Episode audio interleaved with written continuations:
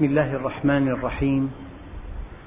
الحمد لله رب العالمين والصلاة والسلام على سيدنا محمد الصادق الوعد الأمين. اللهم لا علم لنا إلا ما علمتنا إنك أنت العليم الحكيم. اللهم علمنا ما ينفعنا وانفعنا بما علمتنا وزدنا علما. وأرنا الحق حقا وارزقنا اتباعه وأرنا الباطل باطلا وارزقنا اجتنابه واجعلنا ممن يستمعون القول فيتبعون أحسنه وأدخلنا برحمتك في عبادك الصالحين. أيها الإخوة الكرام مع الدرس السابع والعشرين من دروس سورة آل عمران ومع الآية الثامنة والتسعين وهي قوله تعالى أهل الكتاب لم تكفرون بآيات الله؟ والله شهيد على ما تعملون. قل يا أهل الكتاب لم تصدون عن سبيل الله من آمن؟ تبغونها عوجا؟ وأنتم شهداء وما الله بغافل عما تعملون. تستوقفنا أيها الإخوة كلمة قل. قل يا أهل الكتاب. وما الفرق بينها وبين قوله تعالى يا أهل الكتاب؟ الله جل جلاله كما قال بعض العلماء يتلطف بعباده ويخاطبهم مباشرة أحيانا. أما حينما يتلبسوا بمعصية ليسوا أهلا أن يخاطبهم. لذلك تقريعا لهم يقول الله عز وجل قل يا أهل الكتاب. يعني حينما ولله المثل الأعلى حينما يأتي مدير عام ليتفقد أحوال إحدى دوائر تابعة له ولا يجد الموظف في مكانه ولا دوامه منتظم لا يخاطبه مباشرة تقريعا له وهو إلى جانبه واقف يقول قل له ألا يتأخر. هو لماذا لم يقل له يا أخي لا تتأخر؟ يعني عمله جعله ليس أهلا أن يخاطب مباشرة فحينما يقول الله عز وجل مثلا قل للمؤمنين يغضوا من أبصارهم. وكأن المؤمن يعني قبل أن تأتي هذه الآية واقع في حيرة ولعله يطلق بصره. فجاءت هذه الآية قل للمؤمنين يغضوا من أبصارهم. بالمناسبة الله جل جلاله لم يخاطب الكفار إطلاقا في قرآنه الكريم. لأن الإنسان حينما لا يقبل الحق وحينما يرد الحق وحينما يركب شهواته وتتحكم فيه نزواته مثل هذا الإنسان لا يمكن أن يخاطبه الله عز وجل إلا آية واحدة يوم القيامة. قل يا أيها الذين كفروا لا تعتذروا اليوم إنما تجزون ما كنتم تعملون. لكن الله جل جلاله فيما يقترب أو فيما يزيد عن ثلاثمئة آية خاطب المؤمنين. يا أيها الذين آمنوا قوا أنفسكم وأهليكم نارا. يعني حينما تخاطب من الله مباشرة فهذا شرف عظيم. وهذا يعني رقي كبير. قل يا عبادي الذين آمنوا إن أرضي واسعة فإياي فاعبدون. فأنت حينما تقرأ قوله تعالى يا أيها الذين آمنوا ينبغي أن تشعر أنه لكرامتك عند الله وجه الله لك الخطاب مباشرة. هناك آيات قل للمؤمنين قل للذين قل لفلان قل أما هنا قل يا أهل الكتاب لأن أهل الكتاب معهم كتاب وفي الكتاب إشارة واضحة إلى مجيء النبي عليه الصلاة والسلام. وكان أهل الكتاب فيما مضى يستفتحون بهذه البشارة على الذين آمنوا. فلما جاءهم ما عرفوا كفروا. هذا النبي الذي في كتابهم جاء حقيقة كفروا به. كفروا به كبرا وكفروا به حسدا وكفروا به عدوانا لأنهم بمراكز معينة. فلذلك أيها الإخوة المنتفع من الباطل هذا قل ما يهتدي. المنتفع. أما المقتنع بالباطل كثيرا ما يهتدي. يعني احتمال هداية إنسان قنعان بالباطل فجاءه دليل لم يكن في علمه فخضع للحق. هذا قضيته سهلة جدا. أما المنتفع بالباطل هو لا يدافع عن فكرة يعتنقها بل يدافع عن مصلحة ينعم بها. من هنا لا تفكر أن تخاطب أو تحاور غبيا ولا قويا ولا منتفعا. أبدا. ليس هناك من جدوى أن تحاور منتفع بكفره أو منتفع بنفاقه. الله عز وجل يقول قل يا أهل الكتاب. يعني أمر النبي عليه الصلاة والسلام أن يبلغكم هذه المقولة. والمناسبة يتضح من كلمة قل أن النبي مبلغ يبلغ عن الله. قل إن أتبع إلا ما يوحى إلي. ليس من شأن النبي صلى الله عليه وسلم أن يتحرك إلا بما يمليه عليه الوحي بدقة تامة لأنه أمين وحي السماء وأمانة الوحي تقتضي أن يبلغ. يا أيها الرسول بلغ ما أنزل إليك من ربك. وإن لم تفعل فما بلغت رسالته. والله يعصمك من الناس. قل يا أهل الكتاب لم تصدون عن سبيل الله؟ وسبحان الله الإنسان حينما ينحرف دون أن يشعر بعقله الباطن بدوافع خفية ليست يعني آه، واضحة عنده يصد الناس عن سبيل الله. لأن المنحرف يحب أن يكون الناس جميعا منحرفين. يعني مثلا إنسان غير منضبط وغير ملتزم ولا يستقي علما شرعيا من أي جهة. لو أن قريبا له التزم بمسجد وتحسن سلوكه واصطلح مع ربه ينهاه دون أن يشعر. يحذره يذكر له أخطار موهومة ليست موجودة. انتبه لمستقبلك. يعني بخوفه يخوفه. طيب أنت ما الذي يضيرك لو أنه اهتدى إلى الله؟ يحب أن يكون الناس جميعا مثله. ما دام قد تفلت من منهج الله. وما دام قد آثر طريق الشهوة على طريق الحق إذا دون أن يشعر ببواعث خفية بعقله الباطن يصرف الناس عن الحق. وهذا شأن أهل الكتاب. قل يا أهل الكتاب لم تكفرون بآيات الله؟ الآيات التي في كتابكم. والتي تنبئ بمجيء محمد صلى الله عليه وسلم وكنتم تستفتحون على الذين آمنوا. هذه الآيات التي في كتابكم لم تكفرون بها؟ لم لا تأخذونها؟ نعم. والله شهيد على ما تعملون. يعني من أجل أن تتذوق معنى هذه الآية.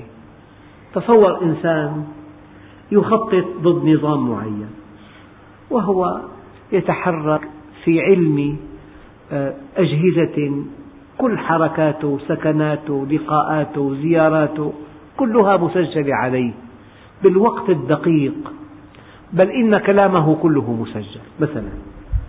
فهذا يظن أنه قد أفلح لكن الله كما يقول شهيد على ما يفعل. يعني كل حركات الكافر وسكناته وتخطيطاته ومؤامراته على أهل الحق في علم الله عز وجل والله شهيد على ما يفعلون. لكن في الوقت المناسب يظهر أنه كان غبيا ولم يكن ذكيا. يعني لم أرى في حياتي أغبى من إنسان وقف ضد الحق لأن الله هو الحق. من أنت حتى تقف في وجه الحق. من أنت حتى تكون في خندق معاد بخندق المؤمنين؟ من أنت حتى تتمنى أن تطفئ نور الله؟ والله أيها الإخوة وإن كان مثل يعني يدعو للعجب. لو رأيت إنسان هنا في الشام يتجه نحو أشعة الشمس الساطعة وينفخ بها كي يطفئها بماذا تحكم على عقله؟ أشعة الشمس لا يمكن أن يطفئها إنسان بنفخة من فمه. فكيف بنور الله؟ قال تعالى يريدون ليطفئوا نور الله بأفواههم ويأبى الله إلا أن يتم نوره. لذلك ليس هناك أشقى وليس هناك أشد حمقا من الذي يريد أن يطفئ نور الله أو أن يقف في وجه الحق. وكلمات أقولها دائما. الكلاب تعوي والقافلة تسير. وما ضر السحاب؟ نبح الكلاب. ولو تحول الناس إلى كناسين ليثيروا الغبار على الإسلام ما أثاروه إلا على أنفسهم. ويبقى الإسلام هو الإسلام. وما ضر البحر أن ألقى فيه غلام بحجر. يعني هؤلاء الذين عارضوا النبي الكريم وأتمروا على أصحابه وضيقوا عليه وأخرجوه من دياره ونكلوا بأتباعه كيف كان مصيرهم في حياة النبي؟ كانوا قتلى في ساحة المعركة فخاطبهم النبي واحدا واحدا يا فلان يا فلان يا فلان هل وجدتم ما وعد ربكم حقا؟ فإني وجدت ما وعدني ربي حقا لقد كذبتموني وصدقني الناس. وأخرجتموني وآواني الناس. وخذلتموني ونصرني الناس. قالوا يا رسول الله أتخاطب قوما جيفوا؟ قال ما أنتم بأسمع لما أقول منهم ولكنهم لا يجيبونني. فما في إنسان على وجه الأرض يعد أكثر غباء وأكثر حمقا وأكثر شقاء من الذي يريد أن يطفئ نور الله. طبعا هذا يظهر بشكل حاد عند بعض الناس الأقوياء ولكن يظهر بشكل مخفف عند معظم الناس.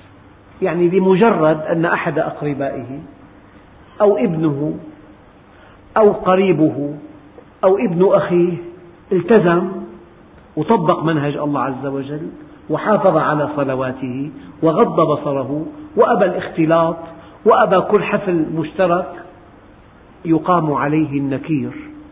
هؤلاء الذين يقيمون على شاب مستقيم النكير هم يصدون عن سبيل الله بشكل مخفف. هم لا ينكرون الحق لكن ينكرون الالتزام به. هذا عصر من يستطيع أن يستقيم في هذه الأيام؟ هذا الدين ليس لهذه الأيام. هذا لزمن سابق. هكذا يوهم نفسه. إذا الله جل جلاله يقول قل يا أهل الكتاب لم تكفرون بآيات الله؟ والله شهيد على ما تعملون. معكم آيات في كتابكم. كفروا بها وجحدوا بها واستيقنتها أنفسهم ظلما وعلوا. هناك حقيقة دقيقة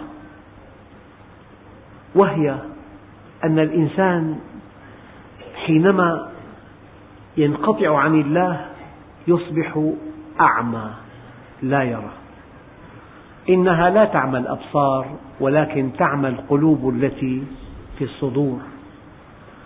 في ساعة الغفلة وساعة الانغماس باللذة يغيب الإنسان عن الحقائق ويحاول أن يطفئ نور الله بشكل أو بآخر أو يصد عن سبيل الله. يعني يشككك بأية جهة دينية. ما في حدا منهم. ولا واحد. لأنه جال كل الدعوات في العالم واكتشف أن كلها دعوات كاذبة غير صادقة قاعد مرتاح هو. طيب أنت لا تلتزم دع غيرك يلتزم لا يصح طبعا أنا لا أذكر هذا الكلام إلا من معاناة. يعني تجد بعض المسلمين ألفوا معصية ألفوا الاختلاط ألفوا التبذل ألفوا أجهزة اللهو ألفوا كل شيء يبعدهم عن الحق. وهم يصلون مع ذلك. فإذا التزم واحد منهم من, من قرابتهم يقام عليه النكير وكأن هذا العمل صد عن سبيل الله. قل يا أهل الكتاب لم تصدون عن سبيل الله من آمن تبغونها عوجا؟ الشيء المادي إذا كان معوجا نقول فيه عوج. العوج بالفتح الاعوجاج في شيء في غصن في قطعة خشب في قطعة حديد. الاعوجاج في جسم مادي يقال له عوج بفتح العين. أما بالأمور المعنوية بالأمور الاعتقادية بالأمور القيمية الانحراف يسمى عوج. تبغونها عوجا. يعني دين واضح. لكن هو يريد أن يقول إن أمة محمد مرحومة لن تعذب ويفهم بعض الأحاديث فهما ساذجا أن شفاعتي لأهل الكبائر من أمتي. كان لحق حالك بكبيرة كي تنالك شفاعة النبي عليه الصلاة والسلام. يعني يريد أن يغير منهج الله يريد أن لا يعبأ. بالآيات التي تؤكد عدل الله التام. يعني لا يعجبه أن يقول النبي الكريم يا فاطمة بنت محمد أنقذي نفسك من النار أنا لا أغني عنك من الله شيئا لا يأتيني الناس بأعمالهم وتأتوني بأنسابكم من يبطئ به عمله لم يسرع به نسبه. يعجبه حديث آخر. مثلا والحديث غير صحيح. إذا الإنسان وافته المنية يوم الجمعة فهو إلى الجنة. طيب لو أنه إنسان كافر مات يوم الجمعة؟ أحاديث موضوعة كثيرة. تعجبه مثل هذه الأحاديث. من قال لا إله إلا الله دخل الجنة. ما بتكلفه إلا خمس كلمات. هذا الحديث يعجب به. أما له رواية أخرى لا يتحمس لها. من قال لا إله إلا الله بحقها دخل الجنة. قيل وما حقها؟ قال أن تحجزه عن محارم الله. يعني يريد الشيء الخفيف هلا حتى أن الناس حينما يتبعون ديانات وضعية من صنع البشر تجد 500 مليون يتبعون ديانة في شرق آسيا. طيب، ما هذا الإقبال على هذه الديانة؟ ما فيها تكليف لأنه تكليف ما فيها. فيها ولاء فقط. لكن منهج الله عز وجل فيه تكليف بأمر تكليفي. وبالمناسبة أتباع الأديان السابقين كلفهم الله أن يحفظوا كتابه. والأمر التكليفي يعصى. ما حفظوه أضافوا وبدلوا وغيروا وحذفوا. لكن قرآننا الكريم حفظه الله بأمر تكويني لا بأمر تكليفي. يعني تولى الله بذاته العلية حفظ كتابه. فالقرآن الكريم كما نزل في عهد النبي وكما كتب في مصحف عثمان وليس في الأديان كلها كتاب يمضي على نزوله أربعة عشر قرنا دون أن يتغير فيه حرف واحد. وهذه من نعم الله العظمى أن قرآننا وهو المصدر الأول لهذا الدين محفوظ بحفظ الله مباشرة. لذلك يعني مئات الألوف بل عشرات مئات الألوف ممن يحفظون كتاب الله كله عن ظهر قلب. فالقرآن الكريم محفوظ في الصدور ومتلو في العالم الإسلامي ومحفوظ في المصاحف. يعني يتلى ويحفظ ويكتب. كما نزل. لأن هذا الحفظ تم بأمر تكويني. إنا نحن نزلنا الذكر وإنا له لحافظون.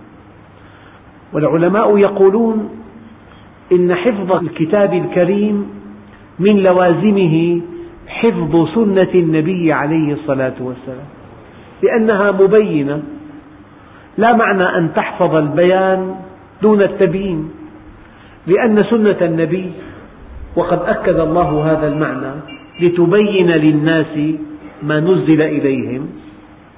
إذا سنة النبي مبينة فلا معنى أن تحفظ الأصل وأن لا يحفظ التبيين.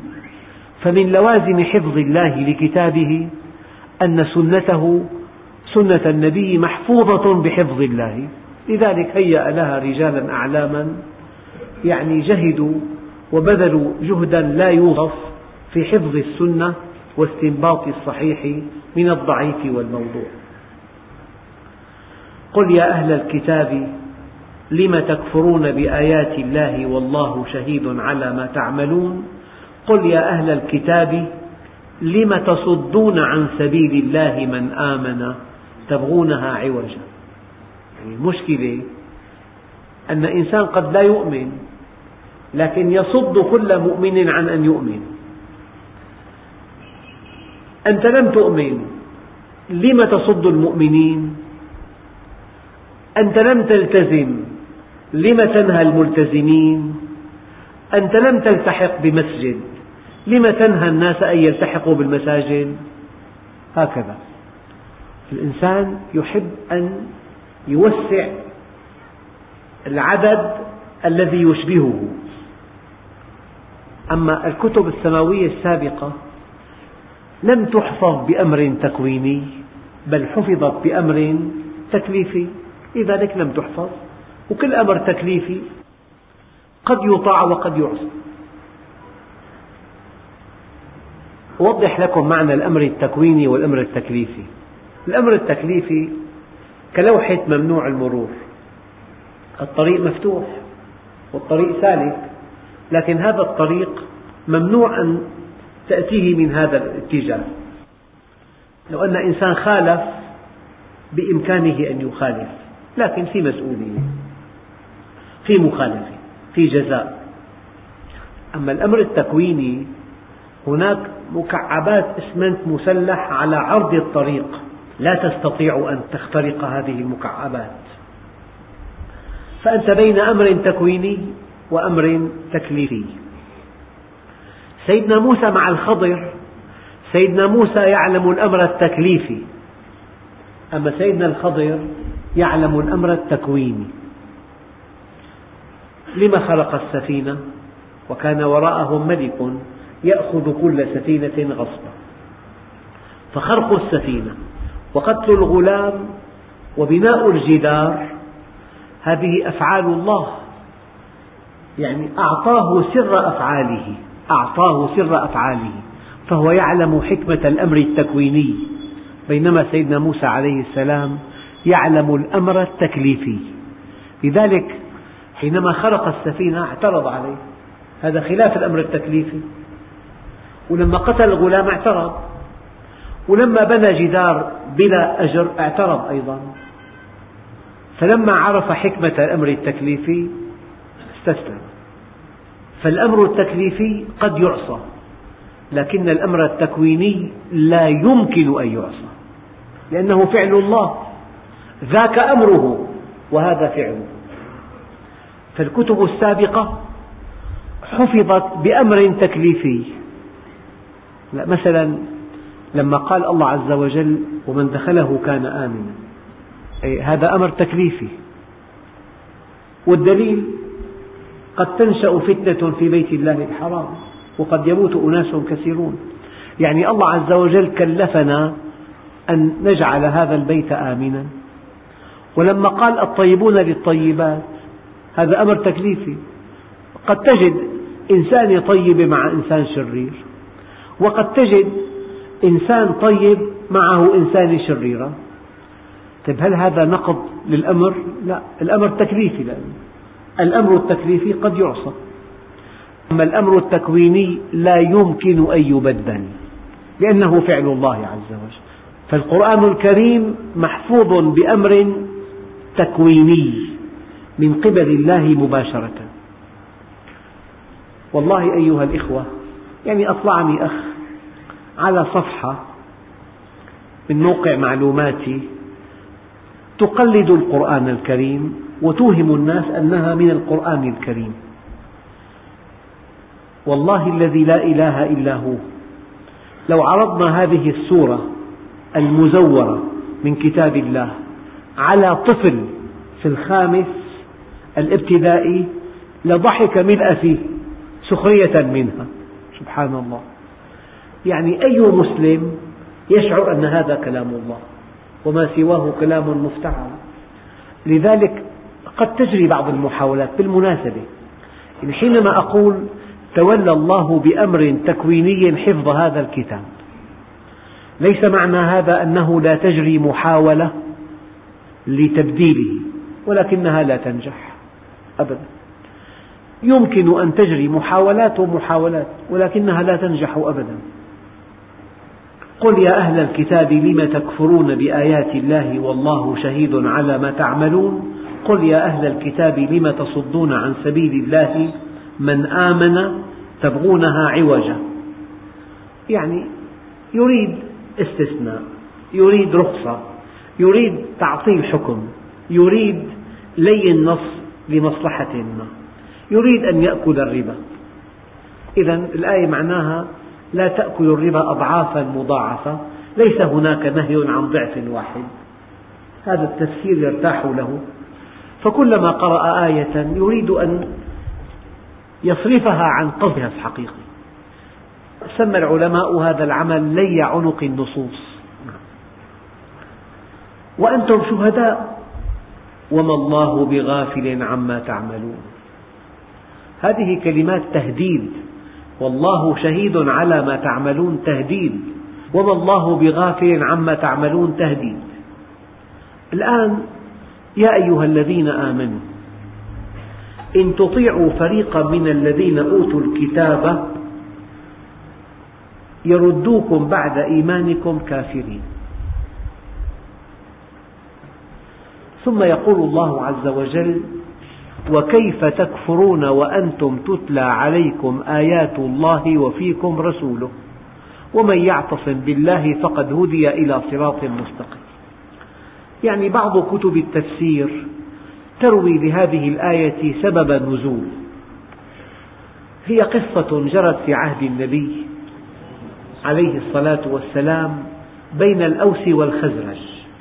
كلكم يعلم أن هاتين القبيلتين كان بينهما صراع عنيف قبل الإسلام. وهذا شأن البشر جميعا. البشر حينما يبتعدون عن منهج الله عز وجل تلقى بينهم العداوة والبغضاء. قال تعالى فنسوا حظا مما ذكروا به فأغرينا بينهم العداوة والبغضاء إلى يوم القيامة. فكان بين هاتين القبيلتين عداوات وخصومات وحروب وقتلى وشعر وهجاء وما إلى ذلك. فلما جاء النبي عليه الصلاة والسلام ائتلف الأوس مع الخزرج وأحب بعضهم بعضا. من الذي اغتاظ؟ بعض أهل الكتاب من اليهود. غاضهم هذه الألفة التي لم تكن من قبل بين الأوس والخزرج. غاضهم هذا الحب غاضهم هذا الوفاق. مرة سيدنا الصديق جاءه طلب معين أراد أن يأخذ رأي عمر فأحال صاحب الطلب إلى عمر. سيدنا عمر رفض أن ينفذ هذا الطلب. فهذا صاحب الطلب امتلأ غيظا. عاد إلى سيدنا الصديق ليثير حفيظته. قال له الخليفة أنت أم هو؟ يبدو أنه هو. قال له هو إذا شاء. ما في مشكلة. هو إذا شاء. بين المؤمنين من الود والتعاون والتفاهم الشيء الكثير. دائما الطرف الآخر البعيد عن الله يريد أن يوقع بين المؤمنين. لا يسعده أن يرى أخوين متفاهمين. يثير حفيظتهما. أنتم مناصفة تاخذوا الربح؟ يقول نعم. بس والله أخوك ظالمك. بين ما بيداوم أخوه مرتاحين الجماعة ومتفاهمين ومتعاونين يريد أن يفرق بينهما. هذا فعل الشيطان. يفرق بين المرء وزوجه وبين الأخ وأخيه. وبين الجار وجاره وبين الشريك وشريكه. فبعض أهل الكتاب من اليهود غاضهم هذا الود وهذا الحب وهذا اللقاء بين الأوس والخزرج بعد مجيء النبي. فواحد اسمه شاس دفع غلاما ليلقي قصيدة قيلت في الجاهلية بهجاء أحد الطرفين. فهذا الغلام وقف في مجمعهم وألقى هذه القصيدة. طبعا ذكرتهم بالعداوات السابقة والشعر الجاهلي هو شعر حقيقة جاهلي لأنه في فخر وفي كذب وفي هجاء وفي افتراء وكل قيم الشعر الجاهلي عدا بعض القيم من ذكر الشجاعة والكرم عدا هاتين القيمتين شعر جاهلي. فهذا الغلام ألقى هذه القصيدة على مسمع من الطرفين يعني بعض ضعاف الإيمان منهم سارت حفيظتهم فذكروا القصيدة الأخرى المقابل من قصيدة لقصيدة تلاسنوا تشاتموا سحبوا سيوفهم وكادت تقع فتنة والنبي بين ظهرانيهم. فخرج النبي عليه الصلاة والسلام وقف بينهم وقرعهم وذكرهم بإيمانهم. يعني أتفعلون هذا وأنا بين أظهركم؟ بعد أن نجاكم الله من الجاهلية من العداوة والبغضاء من الحقد من هذه الأمور الجاهلية. تفعلون هذا؟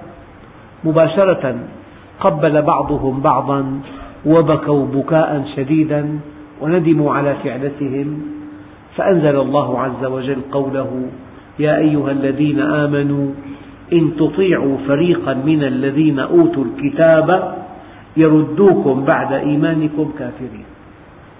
لذلك أيها الإخوة أنت كمؤمن وأي مؤمن آخر بأي مسجد آخر نحن جميعا طرف واحد أمام الطرف الآخر. فإذا كنت حريصا على دينك لا تسمح لإنسان من الطرف الآخر أن يتهجم على مؤمن ولو لم يكن من أتباعك. نحن جميعا في قارب واحد. نحن جميعا طرف واحد. يعني أذكر أن بعض العلماء في مصر هكذا. يعني اجتهد اجتهاد ولعله جانب الصواب. فقام الطرف الثاني الطرف الثاني يعني الذي ينكر الأديان كلها. فهاجمه هجوما عنيفا.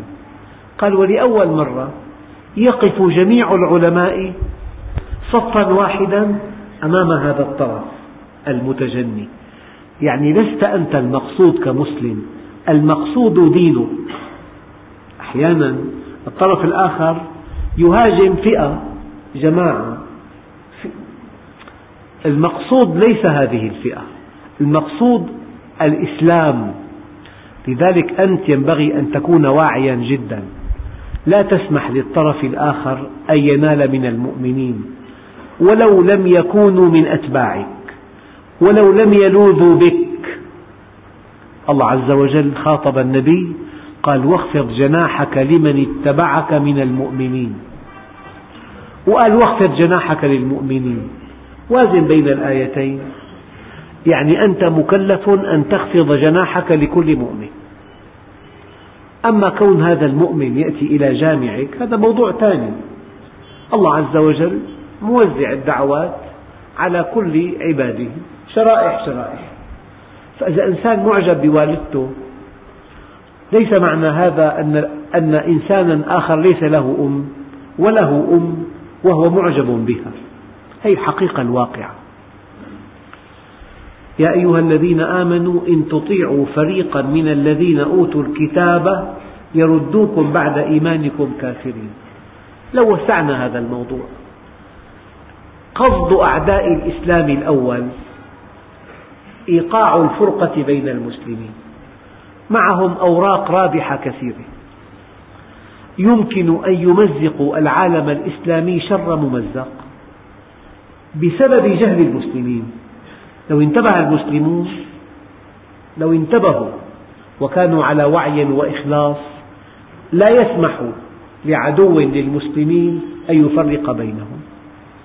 لكن ماذا يفعله المستعمرون؟ من مئة عام يعرفون بعض الحساسيات وبعض أنواع الخلاف. هذه يخبئونها ورقة رابحة.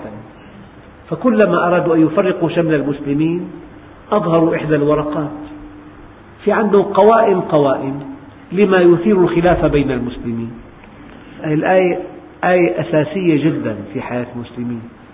يجب أن نكون واعين. أخواننا الكرام بادئ ذي بدء الذين آمنوا بالله واستقاموا على منهجه طرف واحد كلهم على اختلاف مللهم ونحلهم. والذين كفروا بالله وأرادوا الدنيا طرف آخر. أنا أتمنى على الطرف الأول المؤمنين ألا يسمح للطرف الآخر أن يدخل بينهم أبدا. يجب أن تدافع عن كل مؤمن. لأن الطرف الثاني لا يستهدف شخصا بعينه. يستهدف دينك كله. يا أيها الذين آمنوا إن تطيعوا فريقا من الذين أوتوا الكتاب يردوكم بعد إيمانكم كافرين. ثم يقول الله عز وجل متعجبا بما يليق به وكيف تكفرون؟ وأنتم تتلى عليكم آيات الله وفيكم رسوله. ماذا سمى الاختلاف بين المؤمنين؟ سماه كفرا. يعني كيف تكفر أي تختلف مع أخيك؟ هل يعقل أن يرقى الاختلاف بين المؤمنين إلى مستوى الكفر؟ هذا المعنى تؤكده آيات أخرى. يقول الله عز وجل يا أيها الذين آمنوا اتقوا الله وأصلحوا ذات بينكم. ويقول عليه الصلاة والسلام إياكم وفساد ذات البين فإنها الحالقة. لا أقول حالقة الشعر ولكن أقول حالقة الدين. فساد ذات البين حالقة للدين. ما التطبيق العملي لهذه الآية؟ حاول أن تصفي كل علاقة بينك وبين أخيك المؤمن. صفها لا بمعنى أنهها بمعنى اجعلها صافية. حاول أن تصلح أية علاقة بينك وبين المؤمنين. حاول ألا يبقى في قلبك غل ولا حسد ولا كبر ولا ضغينة على أي مؤمن. اذهب إليه. صارحه. اكشف قلبك له. إن كان منك خطأ اعتذر منه. إن كان في قلبه ضغينة أهدي له هدية. فالهدية كما قال النبي تذهب بوحر الصدر حاول أن تصلح علاقتك مع الناس. وحاول أن تصلح علاقتك بين الناس أن تصلح العلاقة بين الناس. أصلح علاقتك معهم وأصلح العلاقات فيما بينهم. هكذا. هذا هو التطبيق العملي. يجب أن تعتقد. أن الخلاف بين المؤمنين يعني خطره كخطر الكفر بل يقيم عند الله كفرا. والآية صريحة قال وكيف تكفرون؟ يعني كيف تختلفون؟ وأنتم تتلى عليكم آيات الله وفيكم رسوله ومن يعتصم بالله فقد هدي إلى صراط مستقيم. يعني أي خلاف يزول بالحوار؟ حاور أخاك. اسأله بين له الدليل. إذا ما اقتنع ما في مشكلة. يعني لو بقي الخلاف في أمور دقيقة قليلة ما في مشكلة أبدا. يعني الخلاف في موضوع معين لا يفسد ودا بين شخصين. أنا لي وجهة نظر قنعان بها وأنت لك وجهة نظر لكن أساسيات الدين متفقون عليها والأساسيات لا خلاف فيها. الإيمان بالله وملائكته وكتبه ورسله واليوم الآخر والقدر خيره وشره من الله تعالى هذه أساسيات. لذلك يعني أنا الذي أتمناه أحيانا أن يكون لكل درس تفسير تطبيق عملي تطبيق عملي اعمل مراجعة. هل من إخوتي في هذا المسجد من يعني في بقلبي شيء تجاهه أو هل أخ من إخوة المسجد في قلبه شيء تجاهي اذهب إليه واعتذر له. وفاتحه بالموضوع. وصارحه. إذا في خطأ منك اعتذر. في خطأ منه قل له أنا سامحك لكن ما أجملها أن يكون المؤمنون صفا واحدا. كالجسد إذا اشتكى منه عضو تداعى له سائر الجسد بالسهر والحمى. ما أجملها أن يكون المؤمنون كالبنيان المرصوص؟ يشد بعضهم بعضا. ما أجملها. ما أجملها ألا نسمح للطرف الآخر أن يدخل بيننا. وما أقبحها أن يكون بأس المسلمين بينهم. بأسهم بينهم. والله الذي يدمى له القلب. ذهبت إلى الشرق والغرب. وإلى بلاد بعيدة. الذي يدمي القلب أن المسلمين في معظم بلاد العالم بأسهم بينهم. عداوات بين الجماعات الإسلامية. أحقاد بين الجماعات الإسلامية. كل جماعة تدعي أن الله لها وحدها وأن الحق معها وحدها وأن ما سواها إلى النار. هذا اعتقاد سخيف جدا أيها الإخوة. ولعلها مصالح. وذكرت لكم من قبل أن الاختلاف قد يكون طبيعيا لنقص المعلومات. وأن الاختلاف قد يكون محمودا اختلاف تنافس. يعني أرى أنا أرى أن أفضل شيء الدعوة إلى الله. يأتي إنسان آخر يرى أن أفضل شيء تأليف الكتب العلمية. جيد. كلانا له عند الله ثواب. إذا اختلفنا إذا اختلف اجتهادنا في أي الأعمال أعظم مقبول هذا. خلاف محمود. إذا في خلاف أساسه نقص المعلومات معزول صاحبه. أما الخلاف القدر هو الخلاف بسبب الحقد والحسد والبغي والمصالح. اختلاف المصالح والحسد. وما اختلف الذين أوتوا الكتاب إلا من بعد ما جاءهم العلم بغيا بينهم. بسبب البغي. أيها الأخوة الكرام كونوا أنتم مثلا عليا. حاول أن تكون منفتح على كل المؤمنين. وما دام انتماؤك ليس لمجموع المؤمنين فلست مؤمنا. لقوله تعالى إنما المؤمنون إخوة. يقول الله عز وجل كيف تختلفون؟ ومعكم منهج السماء. وفيكم رسول الله. كيف تختلفون؟ أي كيف تكفرون؟ يعني بمعنى أعمق اختلافنا يتناقض مع كتابنا الواحد ومع إلهنا الواحد ومع نبينا الواحد. إلهنا واحد ونبينا واحد وكتابنا واحد. فاختلافنا يتناقض مع هذه الوحدانية. وكيف تكفرون؟ وأنتم تتلى عليكم آيات الله وفيكم رسوله. مرة حدثني أخ يعني أعجبني موقفه. اختلف مع زوجته في موضوع. قال نحتكم لشرع الله. اتصلوا بعالم وسألوا. فبين الحكم الشرعي. فانصاع الزوج والزوجة لهذا الحكم الشرعي. يعني أي خلاف بين المؤمنين. له جواب في الدين. فأنا حينما أختلف مع أخي أحتكم إلى شرع الله عز وجل. انتهى الخلاف. ما دام معنا كتاب معنا سنة. فإن تنازعتم في شيء فردوه إلى الله وإلى الرسول. انتهى الأمر. أي منازعة في أي موضوع ترد إلى كتاب الله وسنة رسوله. ومن يعتصم بالله فقد هدي إلى صراط مستقيم. يعتصم بالله بكتابه ويعتصم بتبيان كتابه من قبل النبي الكريم. فقد هدي إلى صراط مستقيم. يعني من يعتصم بالمنهج لم يضل عقله ولم تشق نفسه. إن هذا القرآن يهدي للتي هي أقوم الآية واضحة.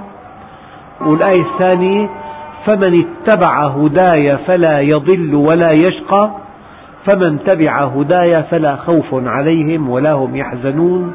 والحمد لله رب العالمين. أيها الإخوة الكرام معي رسالة يبدو أنها مهمة. يقول صاحب الرسالة أنا شاب بإذن الله. ملتزم. يجب أن يقول أنا شاب ملتزم بإذن الله. نعم. بشريعته. ولكنني أحترق أشد الاحتراق حينما أسمع أن بعض قريبات لي قد ذهبن إلى ذلك الإنسان الذي يدعى بأنه شيخ. يستطيع أن يفتح نصيب الفتيات أو جلب الرزق لفلان. وطلبت من ذلك وهي محترقة أشد الاحتراق أن يفتح نصيب ابنتها التي لم تتزوج بعد. فكان جواب ذلك المحتال بأنه لا يستطيع إلا بخمسة وعشرين ألف ليرة وزعم أنه يعطيها للجن. نعم. وهذا ما يقوله بعض المشعوذين وأنا سمعت أخبار كثيرة بهذا. يعني مثلا آه، سمعت مبلغ أكبر بكثير. في عندها عدة شباب متفقة معهم فإذا دفع إنسان مبلغ ضخم تبعت واحد وراء الثاني بس بيقلبوا بالآخر كلهم بيقلبوا. يبعث واحد بيخطب يحط شروط صعبة تعجيزية بعدين بينسحب يبعث الثاني. فهي على زعمة ساذجة أنه المئة ألف جابوا له عشر خطاب. معناه صادق هذا الشيخ. والعملية كلها دجل بدجل. فطلب خمسة عشر ألف. وزعم أنهم ليسوا إليه إنما لجن فلان. وكانت حالة قريبتي المادية سيئة جدا. فطلب منه أن يخفض السعر. يبدو في أسعار للتموين ما بعرف والله شو أسعاره. نعم. فطلب منه أن يخفض السعر. قال لها ادفعي أربعة آلاف الآن دفعة أولى. دفعت هذا المبلغ ولم تستفد شيئا. فذهبت إليه وقالت إنها لم تستفد قال بدي أربعة ثانيات لأنه. دفعت الأربعة الثانية. ثم نشب خلاف كبير بين الأم والأب بين الزوجين. دافعين ثمانية صاروا. فكان بنية يفتح نصيب بنت من البنات. هلأ دافعين ثمانية ونشب خلاف خطير بين الزوجين. والله أيها الإخوة كل هذا جهل بجهل والله نقص في الإيمان بل كفر بالله والله هذا العمل. الله عز وجل بيده كل شيء. لا تحتاج الفتاة إلا أن تستقيم على أمر الله وأن تدعو الله في الليل. كل فتاة أودع الله فيها رغبة قوية أن تكون أما. والله موجود والله مطلع. الله علمنا أشياء كثيرة. قال إذا كان ثلث الليل الأخير. دققوا في هذا الحديث الصحيح. إذا كان ثلث الليل الأخير نزل ربكم إلى السماء الدنيا. فيقول هل من تائب فأتوب عليه؟ هل من طالب حاجة فأقضيها له؟ هل من طالب حاجة فأقضيها له؟ هل من سائل فأعطيه؟ هل من مستغفر فأغفر له؟ حتى ينفجر الفجر. هذا الحديث يكفينا. أية فتاة تنتظر شابا مؤمنا يرعاها ويحميها لها أن تصلي صلاة الفجر أو قبل صلاة الفجر بربع ساعة وأن تركع ركعتين تدعو فيهما بالسجود بما تشاء. ما في غير الحل؟ هذا هو الحل الأمثل. أن تطلب هذا من الله وهذا هو التوحيد. والله جبار الخواطر. والله حدثني أخ. يعني له أقرباء. يبدو أنه فتاة في البيت. يعني مستواها دون العشرين بالمية. فالأب ببعده عن الحكمة كان يقول هي لكبرتي. هي ما بتتزوج لكبرتي. والله أيها الإخوة جاءها زوج أفضل من أزواج إخوتها جميعا. الله جبار الخواطر الله بيزوج. لما الله عز وجل يعلم من فتاة الصدق والإيمان هي طلبها مشروع لأنه أي فتاة طلبها مشروع؟ وأنا أتمنى والله والله أتمنى من أعماقي أن يتم عن يدي زواج آلاف الشباب. لأنه أفضل شفاعة أفضل شفاعة أن تشفع بين اثنين في نكاح. في بعض الآثار وردت من مشى بتزويج رجل بامرأة كان له بكل كلمة قالها وبكل خطوة خطاها عبادة سنة قام ليلها وصام نهارا. لما المؤمنون يتعاونون لتزويج الشباب والشابات هذا الآن من أعظم الأعمال لأنه طرق الفساد مفتوحة على مصاريعها أبواب الفساد مفتوحة كلها. وبإمكان أي شاب وأي شابة أن ينحرف وتنحرف ولا أحد يحاسبه. لذلك إما أن نشجع النكاح وإما أن يعم السفاح. فهي كل أشياء فيها دجل يعني أناس كثيرون شيوخ دجاجلة كذابون يتعاونون مع الشيطان يوهمون الناس وقال الشيطان لما قضي الأمر إن الله وعدكم وعد الحق ووعدتكم فأخلفتكم وما كان لي عليكم من سلطان إلا أن دعوتكم فاستجبتم لي فلا تلوموني ولوموا أنفسكم أنا أتمنى أن يكون هناك وعي عند المؤمنين والله الدجالات والدجالين كثر بس من زبائنهم الجهل فقط الجهل الجني بده خروف راسه أسود. روح دبره شوفوا الجني بده ديك لونه كذا.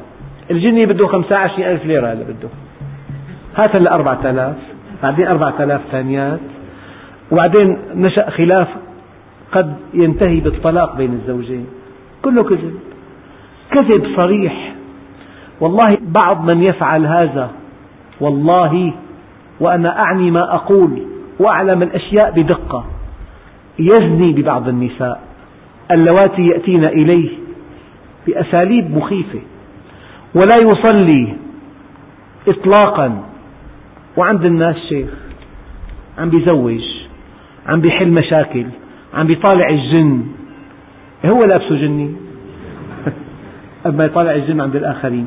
فانتبهوا يا أخوان نحن رواد حق طلاب حق نحن. ما في إلا الله فقط. والله ما في بينك وبينه حجاب أبدا ولا بده واسطة. أخواننا الكرام الدعاء له شروط. وإذا سألك عبادي عني فإني قريب. أجيب دعوة الداعي إذا دعان. فليستجيبوا لي وليؤمنوا بي لعلهم يرشدون. هي شروطه؟ أن تؤمن بالله وأن تستجيب له وأن تخلص في دعائك. ولكن افرحوا ودققوا ولكن المضطر مستثنى من هذه الشروط. لأن الله يجيب المضطر لا بأهليته للإجابة ولكن برحمة الله. والمظلوم مستجاب له لا لأنه أهل ولكن بعدل الله. المضطر والمظلوم مستثنيان من شروط الدعاء. أنت بالدعاء أقوى إنسان. أنت بالدعاء أقوى إنسان في الأرض لأنه الله معك. فواحد معه سلاح الدعاء والله موجود وكل شيء بيده والقلوب بيده وهناك آلاف القصص آلاف. فأنا أتمنى على كل إخوتنا الكرام في عندك مشكلة عويصة لا بدك شيخ. شيخ من هالنوع هذاك طبعا. ولا جني ولا دجال ولا منجم ولا كاهن من أتى كاهنا فقد كفر.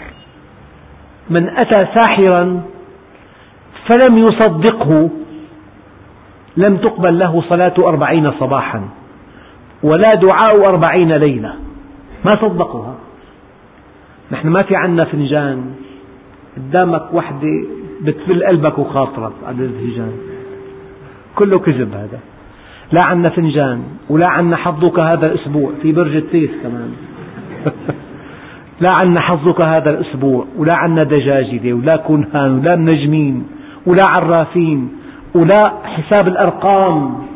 شو اسمك؟ على الحروف؟ الله يعينك. أنت شغل ذاك شغلة هذا كله دجل ما عندنا طيرة أبدا. فاتها زبون فاتها زبون البيعة فأست أدم وشر. ما عندنا مرة أدم شر على زوجها بيكون زوجها مقصر. بيكون زوجها منحرف. هي أنه أدم خير وأدم شر. هذا كله كلام فاضي. لا طيرة ولا عدوى. اللهم صل على آله رقم 13 ما رقم غرفتي 13 ما فتلة. الأربعة ما بسافر. الأربعة سافر. وخذ رقم 13 وهي كلها جاهلية القرن العشرين فيا أيها الإخوة أتمنى على الله يكون المؤمن واعي. ما في إلا الله. وليس بينك وبينه حجاب وهو ينتظرك. وقالوا العلماء الدعاء يقوي العقيدة. لما أنت تدعو الله عز وجل والطرق كلها مغلقة شوف الآية أنت. هلا في باب اثنين ثلاثة. أنا إذا كان في ثلاث أبواب بقول أين المخرج؟ مستحيل. متى أقول أين المخرج؟ إذا الأبواب كلها مغلقة. أبحث عن مخرج.